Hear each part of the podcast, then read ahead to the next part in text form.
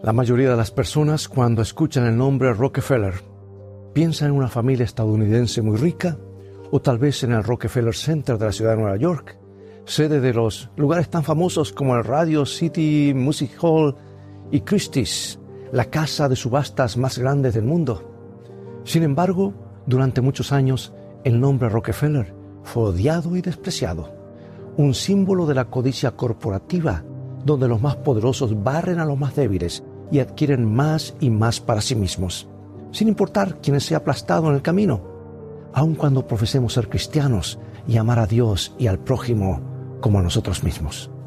El tema de hoy, la fe falsificada. En un momento más regresaré.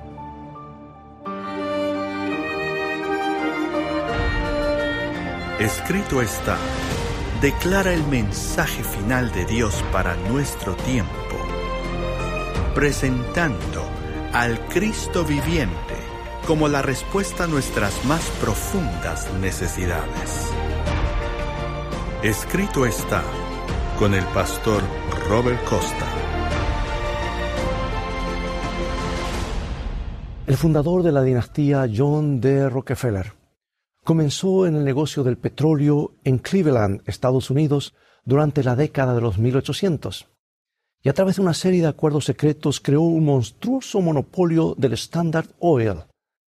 Debido a, que era tan grande, Standard Oil podía reducir los precios obligando a todos los competidores a venderle o ir a la quiebra. En cuyo caso Rockefeller simplemente compraría la compañía arruinada a tasas de descuento.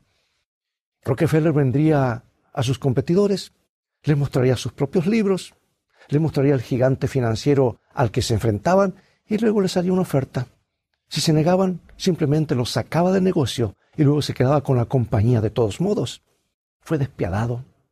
Le dijo a su hermano Frank que había estado trabajando para una compañía petrolera competidora que dice vamos a comprar todas las refinerías en Cleveland. Les daremos a todos la oportunidad de entrar los que se nieguen serán aplastados. Si no nos venden su empresa, no tendrá valor. Y Frank se negó. Y John, su hermano, fiel a su palabra, quitó la empresa de su propio hermano. Lo que añade una dimensión interesante es que esta sórdida historia de John D. Rockefeller es que era un hombre que iba a la iglesia, peor aún, racionalizó sus tratos comerciales en, de todas las cosas.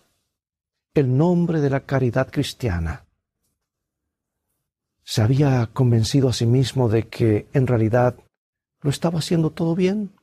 Dijo que todas estas adquisiciones forzadas fueron el resultado de la, preocupación comercial más próspera, la suya, y le dijo a los más pequeños y menos prósperos, sustituiremos los riesgos y peligros del negocio de la refinación, así que ven con nosotros y te haremos bien. Nos comprometemos a salvarlos de los naufragios del negocio de la refinación de petróleo. Lo que otros vieron como prácticas comerciales despiadadas y malvadas, John definió como benevolencia cristiana. Hablar de racionalización y presunción, ¿verdad? Si bien no quiero juzgar el corazón de John Rockefeller, pero ¿cómo pudo justificar estas prácticas comerciales desagradables y viciosas en nombre de la caridad cristiana? Realmente me hace preguntarme. Ese tipo de pensamiento me recuerda una escena de un libro del escritor ruso Fyodor Dostoyevsky, de la que, en la que un hombre gritó, Dios, perdóname por amor de Cristo. Luego corta la garganta de sus amigos con un cuchillo y le roba el reloj. Bueno, hoy vamos a echar un vistazo al panorama general, realmente el panorama más grande que puedas imaginar. Está claro que hay una batalla que se libra en el planeta Tierra. Esto es a, a, lo que se refería el escritor bíblico Pablo cuando dijo que no luchamos contra sangre y carne, sino contra principados y potestades. Estamos en una batalla espiritual. Es, lo que lo que está diciendo allí. Ahora veamos qué podemos aprender de Jesús y cómo trató a Satanás para que nosotros mismos podamos hacer lo mismo cuando enfrentamos luchas similares en este gran conflicto con un poder cósmico sobrenatural mucho mayor que nosotros. Ahora puedo imaginar a alguien diciendo, vamos, Robert, una batalla cósmica sobrenatural. ¿Has estado viendo demasiadas películas de Star Wars o ficción o algo así? No, no, no, no estamos hablando del tipo de periodismo que se encuentra en los titulares de los tabloids, como el que decía, senadores de Estados Unidos son extraterrestres del, del espacio. Estamos hablando, en cambio, de científicos respetables que trabajan para una organización con vínculos con la NASA y otras instituciones científicas reconocidas y establecidas. Estos hombres y mujeres que han trabajado con SETI, la búsqueda de inteligencia extraterrestre, creen que con los miles de millones de galaxias que existen en el universo, existe una buena posibilidad de que exista otra vida allá afuera. Y el término científico para esto se, se llama astrobiología y es un intento serio de buscar vida en otras partes del universo. Ahora, con el debido respeto, mientras estas personas apuntan sus radiotelescopios hacia el cielo esperando algo de alguna civilización extraterrestre lejana, la Biblia enseña no solo que existe vida extraterrestre, sino que algunos de estos seres están aquí y que algunos también son hostiles. Mira estos versos, Apocalipsis 12, 7 al 9. Después hubo una batalla en el cielo, una gran batalla en el cielo. Miguel y sus ángeles luchaban contra el dragón y luchaban el dragón y sus ángeles, pero no prevalecieron, ni se halló ya lugar para ellos en el cielo y fue lanzado fuera el gran dragón, la serpiente antigua que se llama Diablo y Satanás, el cual engaña al mundo entero, fue arrojado a la tierra, y sus ángeles fueron arrojados con él. ¿Una guerra en el cielo? La guerra aquí en la tierra, e, eso es una cosa, pero en el cielo, ¿cómo puede ser? La respuesta corta se reduce a una palabra, amar. Porque el amor es el principio moral general que impregna el universo de Dios. Y el amor exige libertad. No puedes amar a Dios ni a nadie si no tienes libertad moral. No puedes tener amor sin libertad más de lo que podrías tener un triángulo sin tres lados. En un momento, el hombre se casó con un robot. ¿Y por qué eso no funcionó tan bien? Hay una historia de ciencia ficción sobre un hombre que después de haber perdido a su esposa por la muerte consiguió un robot de reemplazo. Tenía todo sobre ella programado, miradas, vocabularios, dicción, acciones, todo era igual, según las apariencias externas. Era su esposa, excepto que era un robot, una máquina, y hacía todo lo que hacía su esposa, no porque realmente lo amara, sino porque estaba programado para hacerlo. No tenía más opciones que eh, mi computadora para que eh, iniciarse cuando toco el botón de inicio y al final se deshizo de él, de ese robot, de esa robot, porque faltaba el ingrediente más importante que era el amor, que solo puede existir cuando se tiene libertad, solo cuando se tiene la opción de no amar.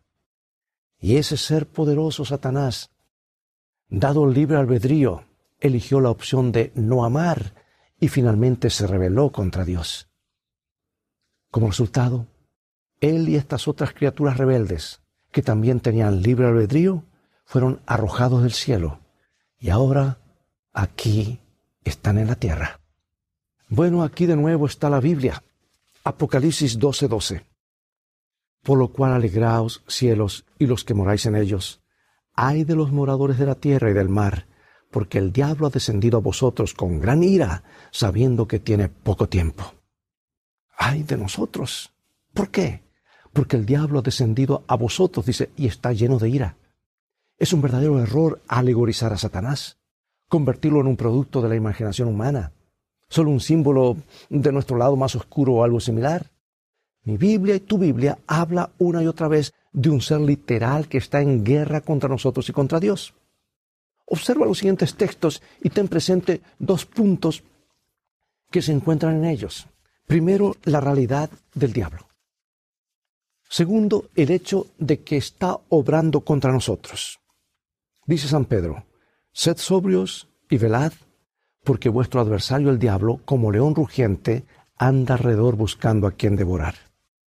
Efesios, vestíos de toda la armadura de Dios, para que podáis estar firmes contra las acechanzas del diablo. Segunda de Corintios 2, para que Satanás no gane ventaja alguna sobre nosotros, pues no ignoramos sus maquinaciones. Y antes de continuar, hay un texto más que quiero ver porque es uno de los más importantes de toda la Biblia, uno de los más importantes que nos puede ayudar a comprender la naturaleza y el resultado de este gran conflicto.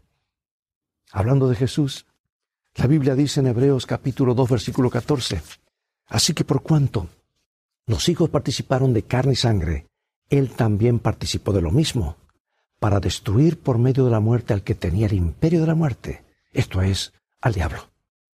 Nota, dice, Él destruirá a la muerte. El que tenía el poder de la muerte va a destruir, ese es el diablo. El destino final de Satanás es ser destruido. Ese es el camino que eligió. Y Dios va a respetar eso. Y finalmente va a ser destruido. destruido. Podemos estar en una guerra, en una batalla, en una controversia, pero sabemos de antemano qué lado va a ganar. Gana Dios y el diablo pierde. Y en pocas palabras lo que Dios nos está diciendo en la Biblia es, ven al bando ganador. Jesús ha ganado la batalla por ti y ofrece a todos y a cada uno de vosotros los frutos, la promesa, la garantía de su victoria contra Satanás. Dime si esto no es una oferta. Me gustaría decir, es una oferta que no puedes rechazar. Pero en el universo de Dios, todos tenemos libre elección, por lo que todos podemos rechazarla. La pregunta es, ¿por qué lo haríamos? Cuando Dios nos ofrece todo y el diablo solo nos ofrece muerte y destrucción, ¿por qué deberíamos elegir otra cosa? Si lo hacemos, es porque estamos permitiendo que Satanás nos engañe. Recuerda, la Biblia dice que Él está engañando al mundo entero. Pero no tenemos que dejarnos engañar. No tenemos que ser, como escribió Pablo, ignorantes de sus artimañas. Y una de las formas en que podemos conocer sus artimañas es a través del estudio de la tentación en el desierto. ¿Y cómo trató de usar sus artimañas en Jesús? ¿Y cómo falló? Primero Satanás trató de tentar a Jesús en el área del apetito, diciéndole que usara su poder para convertir las piedras en pan. ¿Y cómo respondió Jesús? Usó el poder de la palabra de Dios, diciéndole a Satanás, lo que está aquí, vamos a leer en San Mateo 4:4. Él respondió y dijo, escrito está, no solo de pan vivirá el hombre, sino de toda palabra que sale de la boca de Dios. Siempre terminamos con esta frase de Jesús. Escrito está, poderoso mensaje. Él no entró en un debate teológico ni trató de razonar con él, simplemente fue a la Biblia y la citó y eso fue suficiente para hacer callar al diablo.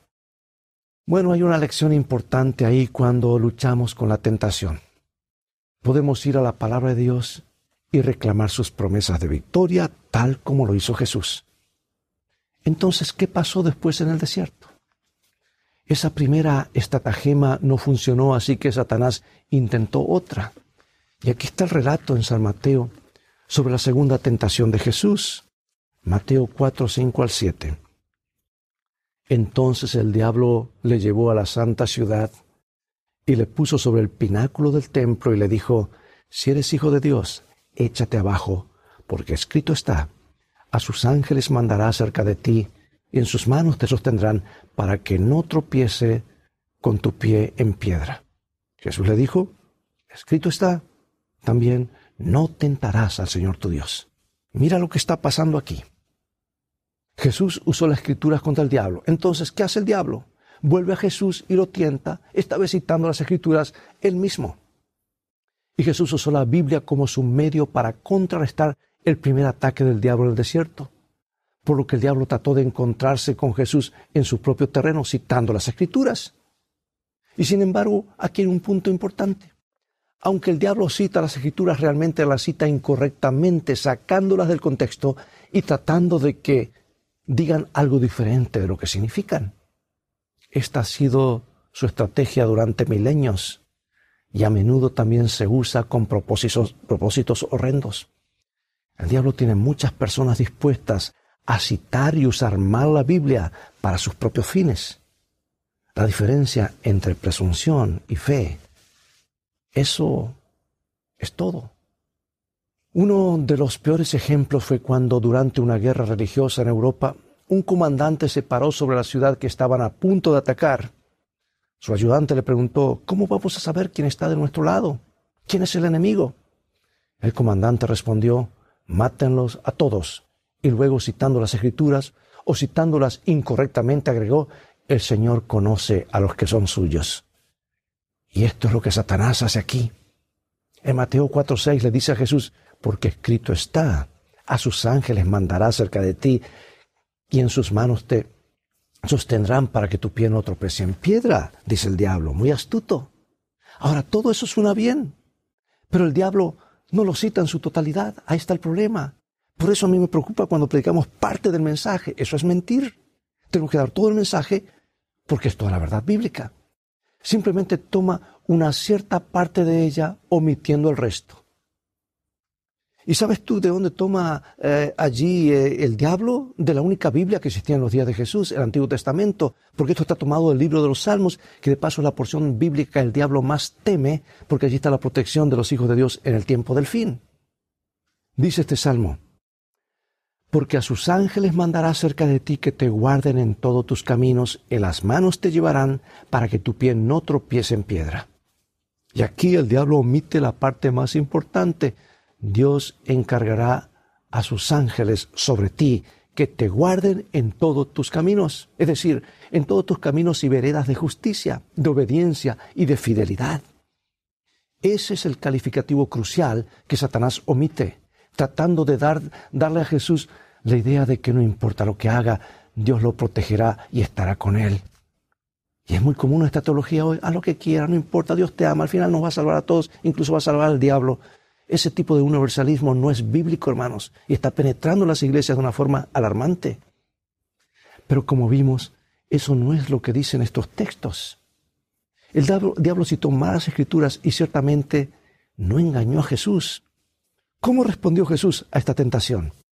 Ya lo vimos. Mateo 4:7 Jesús le dijo, escrito está también, no tentarás al Señor tu Dios. Él dijo, escrito está de nuevo. Jesús volvió a la Biblia otra vez. No discutió con Satanás y tampoco señaló el mal uso de la Biblia por parte de Satanás. Jesús simplemente fue directamente a la palabra de Dios y respondió con un texto que reprochaba el intento del diablo de inducirlo a la presunción. Pero no conozco ninguna promesa de la Biblia que me diga que puedo desviarme de la obediencia y esperar que Dios derrame sus bendiciones sobre mí todavía puedo ser bendecido, aún, aún puedo tener éxito, pero eso no significa que sea del Señor.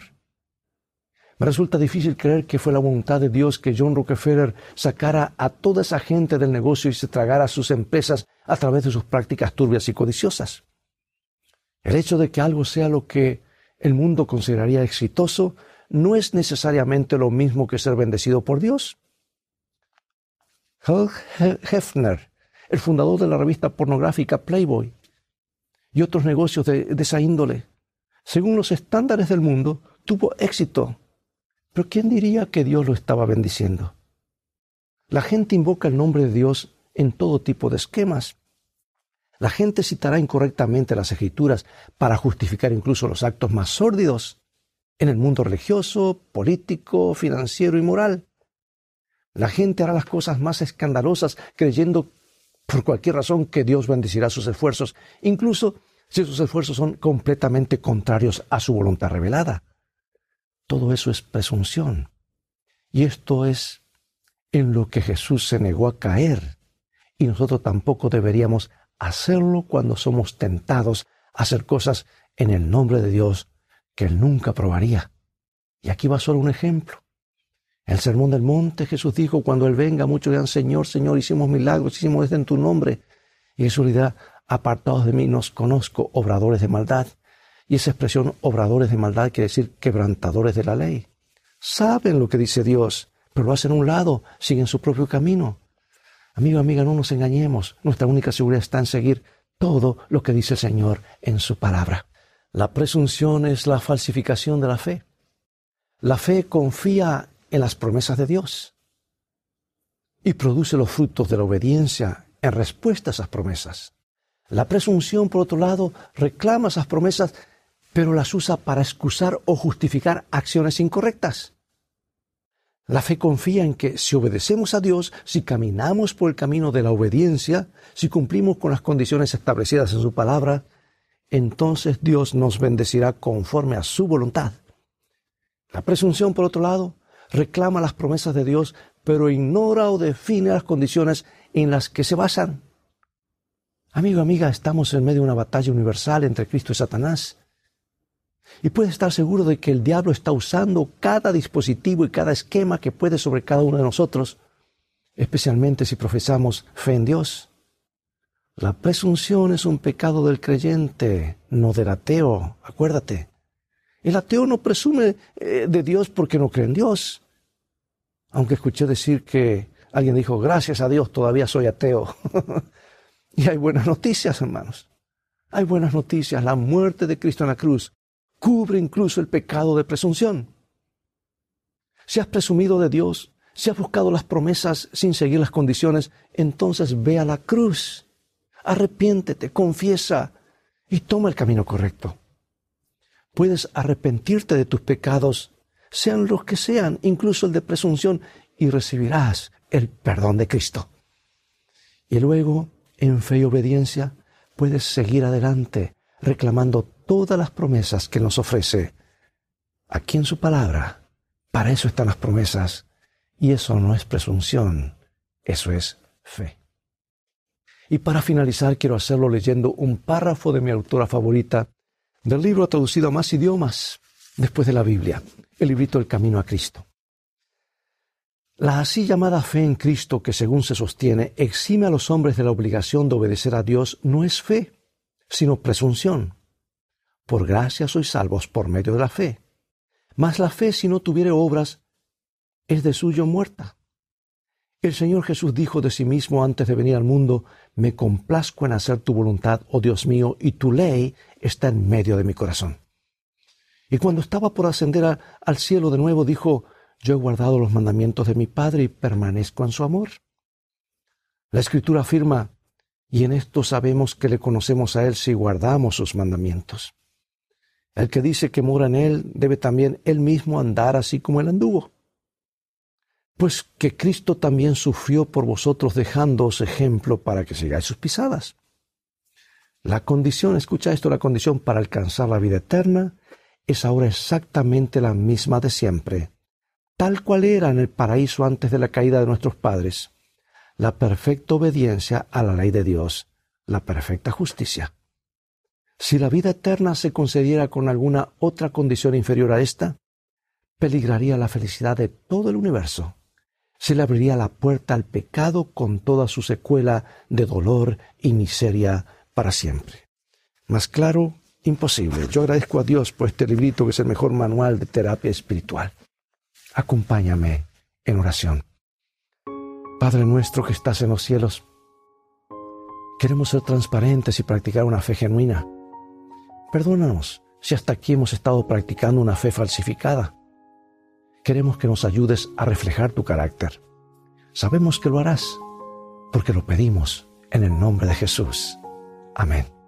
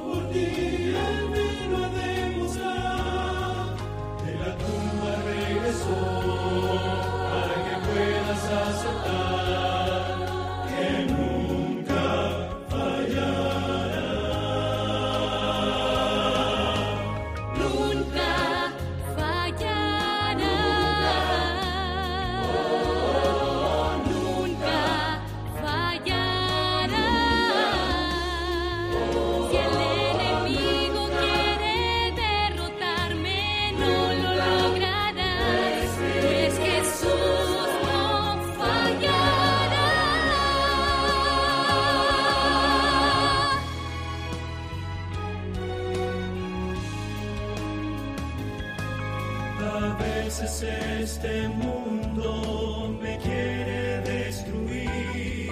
Yo sé que sin mi Cristo no podría resistir, pero me anima el saber que con Jesús puedo seguir, pues nunca fallará. ¿Y qué puedo hacer para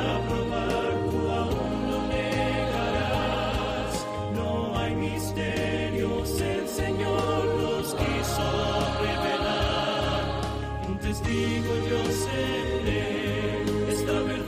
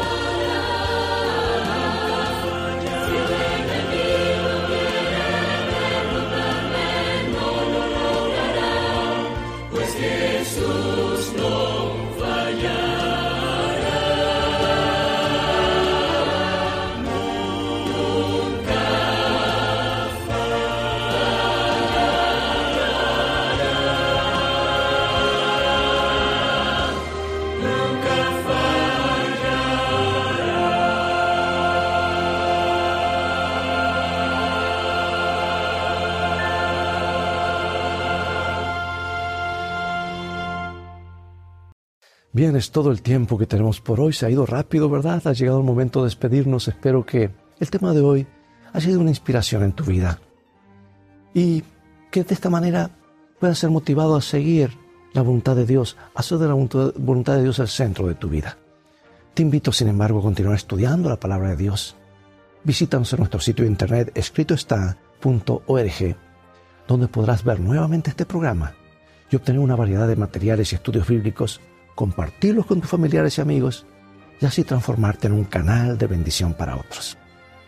Dios te bendiga te guarde y recuerda, escrito está, no solo de pan vivirá el hombre, sino de toda palabra que sale de la boca de Dios.